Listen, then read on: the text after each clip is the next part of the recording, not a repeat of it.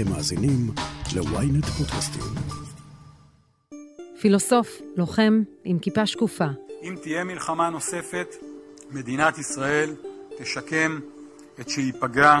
אנחנו חברה חזקה, אנחנו חברה מתקדמת. מי אתה הרצי הלוי, הרמטכ"ל הבא של ישראל? אני שרון קידון, וזאת הכותרת.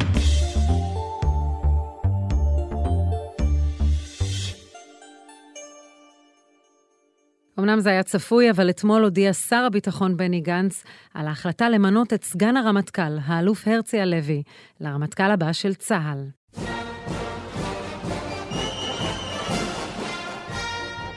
ההודעה על המינוי המתינה מספר שבועות, שהרי גנץ לא הסתיר את רצונו למנות ראש למטה הכללי גם בתקופת בחירות, וקיבל על כך אישור מיוחד מהיועצת המשפטית לממשלה, גלי בהרב מיארה. גנץ בחר במועמד הטבעי מבחינתו, ומי שעבר דרך ארוכה מהגיוס לגרעין הנחל ועד הלשכה בקומה ה-14 בקריה. אז בעזרת יואב זייתון, הכתב הצבאי של ידיעות אחרונות ו-ynet, נכיר את הרצי הלוי, הרמטכ"ל ה-23 של צה"ל. זה רמטכ"ל שככל הנראה יעשה היסטוריה בכך שהוא יהיה אה, ראשון שבא ממשפחה אה, שאפשר להגדירה בקלות כציונות דתית מובהקת, נצר אפילו למשפחת הרבנים המפוארת קוק.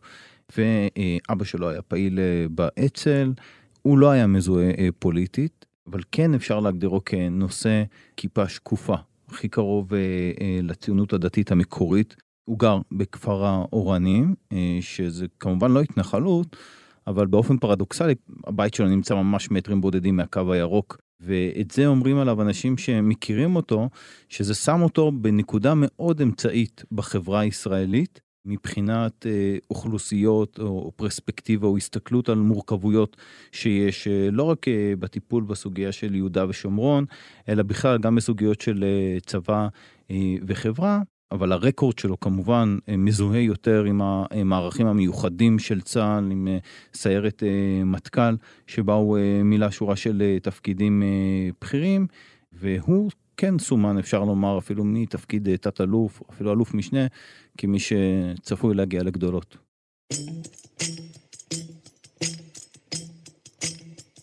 שחרור הרסן בגדר, תופעת המטענים, בלוני הנפץ, בלוני התבערה, וכפי שראינו הלילה גם הרקטות, מרעים את מצבם של תושבי רצועת עזה, הביאו אותנו לתקוף הבוקר תקיפות משמעותיות גם אתרי ייצור אמל"ח של חמאס. הרצי הלוי משרת כבר 37 שנים בצבא, מאז 1985. הוא היה לוחם בצנחנים בתקופת האינתיפאדה הראשונה, התקדם בסולם הדרגות, וב-1993 עבר לסיירת מטכ"ל. במסגרת התפקיד הוא השתתף במבצעים רבים, ובהם מבצע עוקץ ארסי, במהלכו נחטף מוסטפא דיראני, השובה של רון ארד, וגם בניסיון החילוץ הכושל של נחשון וקסמן. את יכולות המנהיגות של הרצי זיהו כבר מההתחלה. בהחלט מתארים אותו אנשים שהכירו אותו עוד משנות ה-90, שבהם הוא היה אה, בסיירת אה, מטכ"ל כבעל אה, תבונה ואינטליגנציה ויכולות שלקחו אותו קדימה כמי שלא היסס לפרוץ גבולות, אבל עשה את זה בשקט, ברוגע, משהו שמאפיין אותו עד היום, וכמה ככה עובדות טריוויה, אם תרצה אפילו, על הרצי הלוי, מי שהולך להיות הרמטכ"ל ה-23 של צה"ל. אז אה, קודם כל, מלבד התפקידים שלו בסיירת מטכ"ל והפיקוד שלו על מערך ההפעלה באמ"ן, הוא אה, כמובן זוהה עם אה, חטיבת הצנחנים, פיקד עליה, גם פיקד על חטיבת ג'נין מיד אחרי האינתיפאדה השנייה, חטיבה מרחבית מנשה, והוא הוביל כאמור שורה של מבצעים ביחידה הזו, פיקד על הצנחנים, על החטיבה עצמה במבצע עופרת יצוקה. הוא נחשב לשקט מאוד, כזה שמתרחק מיחסי ציבור. ואני מאוד מאוד שמח לקבל ארגון שהוא אה, השתנה, משתנה אה, בצורה מאוד מאוד רלוונטית וכמובן גם משפיע. אין לו את הכריזמה הטבעית שיש לרמטכ"ל הנוכחי אה, כוכבי. אין לו כמובן את החספוס הגולנצ'יקי שיש לגבי אשכנזי ולגדי אה, איזנקוט, אבל uh, בהחלט יש לו uh, קו הסתכלות מאוד מאוד ברור, בהיר, uh, מבינים את מה שהוא אומר, הוא מאוד מאוד אוהב להשתמש בציטוטים של פילוסופים מהרמב"ם ועד לסוקרטס, וכבר באוקטובר 2013, בכתבה מאוד גדולה, אפילו כתבה שזכתה לכותרת ראשית ב... בעיתון ניו יורק טיימס, מחשובי עיתונאי העולם, עליו ספציפית, ניבאו כבר במאמר הזה שיום אחד יגיע היום אה, שהוא יפקד על צה"ל ותשע שנים חולפות, הוא באמת מקבל את אה, דרגת הרב אלוף. והיה שם ציטוט אחד שיוחס בכתבה הזו בניו יורק טיימס להרצי הלוי, אז דבר שבדרך כלל אנחנו שומעים ממפקדים בכירים בשיחות סגורות. ולא לציטוט, הוא אמר מבצע צבאי או מלחמה לא יפתרו בעיה, בטח לא בעיה גדולה ארוכת טווח. אפשר לקחת את זה, וזה בתרגום אה, חופשי אה, שלי, גם לכל המבצעים הצבאיים שצה"ל לקח בהם חלק אה, ברצועת עזה, לצורך העניין. או ביהודה ושומרון, מחומת מגן ועד אה, לעלות השחר, כל עוד האויב נשאר שם, אז הצבא יעשה ככל שביכולתו לנצח, להכניע, להחליש את האויב, אבל ללא השלמה של מהלך מדיני משמעותי. אבל הוא אמר את זה כבר אז, בפירוש באותה כתבה בניו יורק טיים, שהצבא לבד או מבצע צבאי, אה, מהלומה צבאית, אה, לא יספיקו כדי לפתור אה, בעיות ארוכות טווח, בטח פה בשכונה שלנו. הכניסה של הלוי לתפקיד לא תהיה כניסה חלקה. הסחרור הפוליטי שהולך להתגבר עם מערכת הבחירות והעיכוב הצפוי בהעברת תקציב הביטחון לא יקלו עליו כלל. אנחנו זוכרים מה קרה לאביב כוכבי, שהוא, אפשר לומר שהיה הרמטכ"ל הכי מובן מאליו בעשור שניים האחרונים, הוא סומן כבר uh, מתפקידו כמח"ט צנחנים, אפילו לפני זה כמי שיגיע הכי רחוק, גם הכין את עצמו טוב uh, לתפקיד, אבל הוא חטף uh, uh, שתי מכות שלא עוול בכפו, פגעו בכהונה שלו, אחת המשבר הפוליטי 2019-2020, סבבים בלתי פוסקים של uh, בחירות, וגם הגיע אז uh, משבר הקורונה. שפגע קצת אה, בכשירות הצבא באימונים, והעובדה שלא היה תקציב מדינה בגלל המשבר הפוליטי ולא היה תקציב ביטחון סדור, אז אה, הרמטכ"ל אה, כוכבי לא יכל אה, לגבש באופן מובהק או מלא אה, תוכנית רב-שנתית.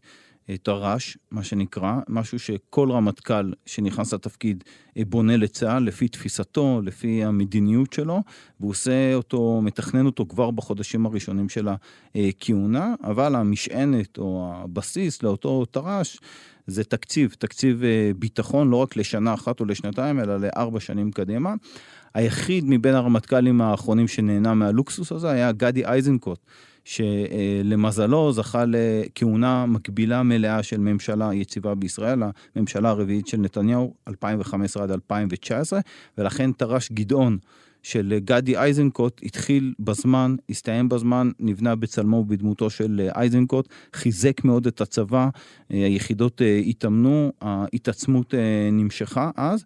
לכוכבי עם תר"ש תנופה לא היה את זה, ובגלל שעכשיו אנחנו נכנסים אולי שוב לסחרור פוליטי בטח עם הבחירות והממשלה הקרובה, אם בכלל, תושבע לא לפני ינואר-פברואר, שזה פחות או יותר אה, שבועות לאחר כניסתו של אה, הלוי לתפקיד, אז גם אז לא יהיה תקציב, עד שיהיה תקציב, עד שתושבע אה, כנסת, תיכון ממשלה חדשה, זה במקרה הטוב בפברואר-מרץ, שר ביטחון חדש, ככה שהשנה הראשונה שהיא בדרך כלל... או שלא. אז זהו, שהשנה הראשונה בדרך כלל שהיא השנה הכי חשובה, הכי קריטית לרמטכ"ל, כדי לקבע את התפיסה שלו, כנראה אה, תלך לפח, אה, בין אם בצורה חלקית, בין אם בצורה מלאה להרצי אה, הלוי. אני מניח שכבר עכשיו הוא נערך לזה, בטח שיש לו את החצי שנה הזו אה, לפני אה, להתכונן לבעיה הזו, אולי ללמוד לקחים, לראות מה בכל זאת אפשר להציל מבחינת תכנון.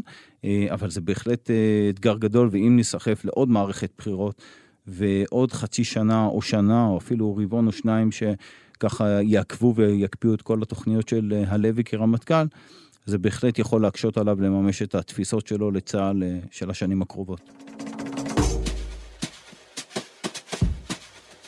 כשאנחנו מסתכלים קדימה, עזה היא מקום לא יציב.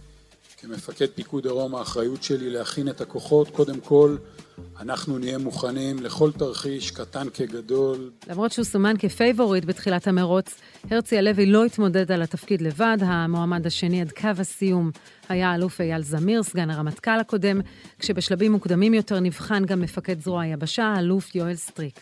בחירתו אמנם של הרצי הלוי הייתה כאמור די ברורה, אבל מאחר ואנחנו במהלך בחירות, זה לא מובן מאליו שהיא תעבור בשקט יחסי.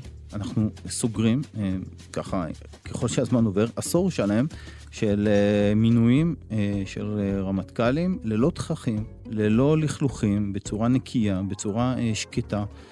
פרשת הרפז כבר בת עשר, או הסוף שלה, ואפשר להגיד שהצחנה של הפגר בחדר כבר לא קיימת. זה כבר שלושה רמטכ"לים שממנים אותם אה, בשקט, ללא אה, הדלפות, ללא אה, תחרות מכוערת. לא צריך גם נעליים גבוהות בקריה יותר, כפי שבוגי אמר. נכון, הקרבים בדיוק, כן. אולי הם נמצאים שם עדיין, אבל הם באותה מאורה ביחד עם הנחשים שם בקריה. אה, וזה בהחלט בשורה אה, לצה"ל שהתהליך הזה אה, כבר רמטכ"ל שלישי שהוא קורה באופן תקין, גם אם זה צפוי, אבל זמיר, אם היה נבחר, היה יכול לעשות היסטוריה קטנה בתור הרמטכ"ל הראשון. שגדל ממש כשריונר ולא בא מגולני או מהצנחנים, כפי שהמסורת לימדה אותנו. זמיר היה טנקיסט כבר מגיל 18, נדמה לי זה אם הוא היה רמטכ"ל, זה היה הרמטכ"ל הראשון שממש גדל ולא עשה הסבה כמו דן שומרון או אהוד ברק מחי"ר לצנחנים בתור אה, מח"ט.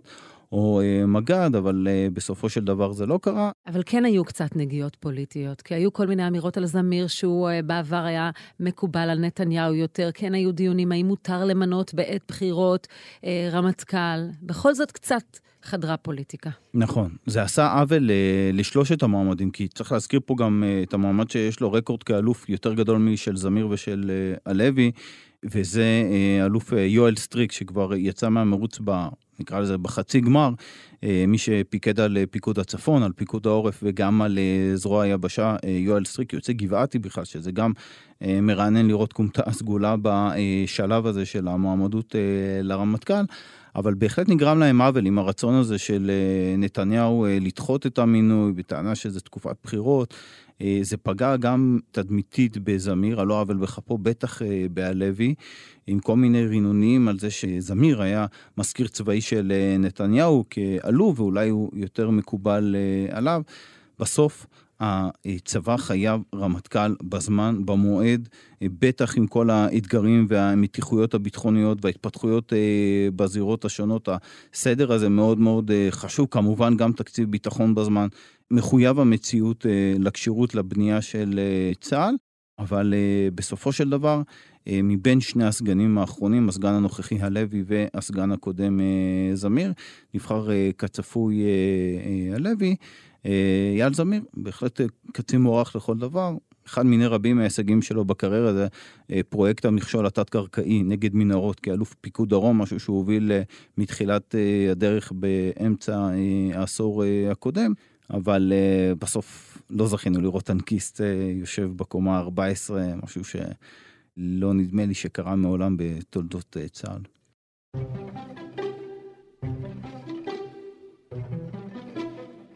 למה הרצי הלוי הועדף על פני סטריק וזמיר? בסופו של דבר, אנו חיים בעולם דינמי, המשתנה במהרה, כפייה במקום כמוה כהליכה אחורה. ומהם האתגרים שהרמטכ"ל היוצא כוכבי משאיר לנכנס? במהלך הפעילות הלילה, כמו באירועים רבים אחרים, התבצע על ידי הפלסטינים ירי נרחב לעבר כוחותינו וירי פראי וחסר הבחנה לכל כיוון. הודעה קצרה, ומיד נמשיך עם הכותרת.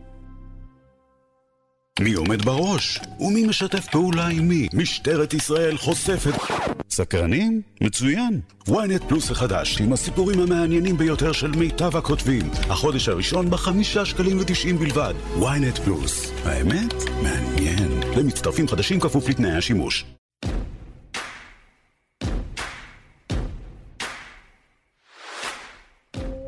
כשבוחנים גרף התפתחות יחידה בצה"ל, ניתן לראות שחילופי מפקדים משפיעים מאוד על כיווני התפתחות היחידה. החלפות טובות הן החלפות בהן מותיר המפקד היוצא אז מהו סוד ההצלחה של הרצי הלוי? הרי סטריק יותר מנוסה ממנו כאלוף, והוא הגיע אחרי אייל זמיר לפיקוד הדרום ולסגנות הרמטכ"ל. איך הוא דילג מעליהם? הרקורד שלו, אני חושב, מתאים יותר לצה"ל הנוכחי בגלל ההיסטוריה שלו ביחידות אה, מיוחדות, במערך המבצעים המיוחדים, כמפקד אה, מערך ההפעלה. כל השינוי הזה שצה"ל עבר בשנים האחרונות, שמתמקד יותר במבצעים לסיכול התעצמות האויב, כדי להרחיק את המלחמה הבאה, מה שנקרא מב"ם, בין אם זה בסוריה, בלבנון, במעגל שלישי וגם ברצועת עזה. זה משהו שהוא יותר, בואי נקרא לזה ככה, of tea של הרצי הלוי, יותר עם גישה לפעילות כירורגית, למבצעים מוגבלים, לדברים שקורים מתחת לסף הרעש. זה בטח משהו שהוא הוביל ועשה בעצמו גם כראש אה, אמ"ן אה, בעשור הקודם, אה, באחד התפקידים שלו. בסופו של דבר אבל זה, זה על דברים ממש קטנים, על אה, יכולות כאלה ואחרות שמביאים לאורך השנים ויכולים לבוא לידי ביטוי בתפקיד אה, הרמטכ"ל, וזו בחירה שאני מניח שלא הייתה קלה לבני גנץ וליאיר לפיד. אבל uh, בסוף הוא היה uh, מסומן. אפשר לקרוא לזה בחירה טבעית, למרות ששוב, הלוי הוא לא אה, מהרמטכ"לים שאנחנו מכירים במובן שמרפיקו את הדרך שלהם, גם אם עשו את זה באלגנטיות בתפקידים שלהם כאלופים או כתתי אלופים, אלא התפקיד הזה אה, כרמטכ"ל. הוא מאוד אה, נחשב למאופק. אה, אותה כתבה מהניו יורק טיימס תיארה אותו כקצין ופילוסוף. פחות כריזמטי מכוכבי, פחות אה, מחוספס מאייזנקוט או אה, אשכנזי, כך שבהחלט הוא יכול להביא משהו אחר לתפקיד הזה או לצבא. יחידות צה"ל פועלות יום אחר יום בנחישות ומסכלות טרור ומונעות פיגועים. הפעילות נעשית בכל מקום שנדרש, ובמיוחד במרחב ג'נין. הגענו קצת בנושא הפוליטי. אה, והתקציב, אבל איזה צבא משאיר לו כוכבי? מבחינת כשירות, מבחינת התפתחות טכנולוגית, מבחינת היעדים העתידיים? קודם כל, הצבא שכוכבי אה, משאיר לו יותר ממוקד אה, מטרה, יותר מבין את המשמעות של האתגרים שלו, של המשימות שעלולות להתפרץ, בין אם בשגרה ובין אם בחירום, זה צבא שיודע לעשות יותר, להביא יותר תפוקות מבצעיות, עם פחות חיילים, עם פחות יכולות, על בסיס טכנולוגיות צבאיות ומבצעיות סופר uh, מתקדמות, על בסיס תפיסות חדשות שכוכבי uh, הטמיע uh, בצה"ל, בין אם בייצור מטרות, בין אם בחיבור החימושים הנכונים אליהם, וזה משהו שראינו קצת ממנו עכשיו במבצע האחרון בעזה, שהיה בשבועות האחרונים, אבל אני מניח שנראה אותו גם בעימות רחב. אבל אה, זה גם צבא שהוא פחות קשור בצבא הגדול, במסה הקריטית. אוגדות המילואים כמעט ולא התאמנו בשנים האחרונות. אני לא רוצה לדעת איזה תוצאות היו למלחמה הדו-זירתית, אם הייתה פורצת פה בשנים האחרונות בתרחיש הייחוס העיקרי של צה"ל, שזה זירה צפונית חיזבאללה וזירה דרומית במקביל לעזה חמאס. בגלל שחטיבות הצנחנים לא איתנו על רקע העובדה שלא היה פה תר"ש מסודר, לא היה תקציב ביטחון במשך אה, שנתיים, כמעט הם לא התאמנו, פערי כשירות גם אה, בימ"חים של חלק גדול מחטיבות המילואים, לא כולם, בחלקן השקיעו. כלומר, האתגר המשמעותי להחזיר את הכשירות ל- ליחידות המילואים. כן, לכוח העיקרי של צה"ל, למסה הקריטית. גם חלק מהחטיבות הסדירות ידעו פערים לפני 3-4 שנים, אבל הפערים האלה הלכו ונסגרו בשנה, שנתיים האחרונות.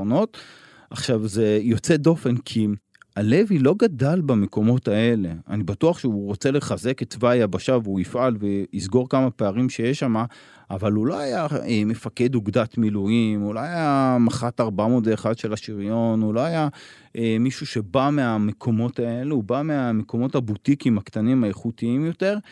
אה, כסגן רמטכ"ל הוא כן התעסק עם הסוגיה הזו, הוא גיבש את בחני הרף אה, גם כאלוף פיקוד דרום אה, ללחימה בעזה, זאת אומרת סוג של סטנדרט לגדודים שאמורים לתמרן ברצועה ולבחון אותם לראות שהם באמת כשירים, ואם לא אז למלא את מה שחסר, אבל בהחלט צבא המילואים עכשיו הוא ברמת כשירות יחסית נמוכה. לא התאמנו לא רק בגלל תקציב, גם קצת בגלל הקורונה, אבל... נקווה אה, שהחיזבאללה לא מאזינים לנו. אה, החיזבאללה יודעים את זה למרבה אה, הצער, אבל יש לצה"ל מספיק מודיעין חזק להתמודד עם חלק מהפערים, וזה לא אומר שצה"ל יפסיד בהכרח. אני מעריך שהוא, וככה גם בצבא מעריכים שהוא ינצח, גם אם מחר בבוקר יפרוץ עימות בצפון, השאלה כמובן יהיה המחיר שזה יעלה ורמת הכשירות של הכוחות שאמורים להיכנס ולתמרן, כי בסוף אין מה לעשות, חיל האוויר ואמ"ן יעשו את שלהם, אבל בסוף בעימות אה, בצפון אה, תמרון קרקעי יהיה מחויב המציאות לפי כל אה, קנה מידה, אבל זה בהפעלת הכוח מבחינת בניין הכוח של צה"ל. מבחינת התעצמות, עדיין יש אה, מהלכים שהוקפאו וצריך אה, אה, לזרז או לשחרר בהתעצמות של חיל האוויר, חלק מטייסות הקרב עתידיות, מהלכים שהיו מוקפאים בשנתיים שלוש האחרונות בגלל היעדר תקציב מדינה וכל העיכובים שהיו לתר"ש, יש לא מעט פקקים לשחרר כדי לבנות את צה"ל לעשור שניים קדימה, בעיקר בזרוע האווירית, זה בהחלט אתגר אה, גדול אה, להלוי, וגם באזורים הרכים יותר, כי יש תחושה שחלק מהאמון הציבורי בצה"ל נסדק. יש תחושה שחלק מהאמון הציבורי בצה"ל נסדק. בשנתיים שלוש האחרונות בגלל פרשות נקודתיות אה, כמו סרן ת' מאמ"ן שמת בכלא הצבאי, אה, שני המפל"גים מאגוז שנהרגו בגלל שורה של מחדלים ואף אחד כמעט שם לא שילם את המחיר ועד זה כמובן פרשת אה, אילי חיות וסגן אלוף שרוני, לא מעט פרשות שככה גרמו לסדקים באמון הציבורי של צה"ל, ראינו את זה גם בחלק מה... סקרים, כמובן ירידה במוטיבציה לשרת בקרבי גם בגלל המצב הביטחוני הטוב וטוב שיהיה ככה. המרכיב החשוב ביותר זה החוסן הלאומי של החברה הישראלית, הסולידריות בחברה הישראלית, הערבות ההדדית, וכשמסתכלים אחורה 25-30 שנים ורואים... גדי איזנקוט אמר בשכל לא פעם ולא פעמיים שבלי אמון גבוה של הציבור בצה"ל, ואנחנו מדברים על אמון של 80 אחוז לפחות, אם לא 90 אחוז ומעלה, הצבא לא יכול לנצח במלחמה אם היא תפרוץ. זה, זה נכס קריטי, זה חשוב יותר מכל טייסת, מכל uh, גדוד טנקים, הלוחמים הכי חזקים, האמון הציבורי בצה"ל, הלכידות הזו. שהוא יישאר צבא העם ולא צבא של חלק מהעם. בדיוק, וזה משהו שיבוא לפתחו של הרצי הלוי בתחילת כהונתו, ותוסיפי לזה משימה שגם הייתה לפתחם של רמטכ"לים אה, קודמים וגם של הרמטכ"ל האחרון. להילחם בכל הכוח, לסכל את כל הכוונות שיש לחלק מהפוליטיקאים, להכניס פוליטיקה אה, לצבא. הלוי יצטרך להמשיך לשמור על החומות האלה שמפרידות בין צה"ל לבין הזירה הפוליטית או הטינופת הפוליטית, כי זה משהו שגם יכול לערער את היסודות של הצבא אה, כצבא העם. בטח ובטח אם השיח הנוכחי יימשך, בהחלט משימה לא פשוטה להלוי. נאחל לו בהצלחה. בהחלט, עם כל התנאים הלא פשוטים האלה והאתגרים אה, שצפויים לו, יש לו תיק לא קטן אה, לקחת איתו אה, קדימה, גם לאור האקלים הפוליטי הנורא בעייתי שהוא ייכנס לכהונתו בחודש ינואר הקרוב.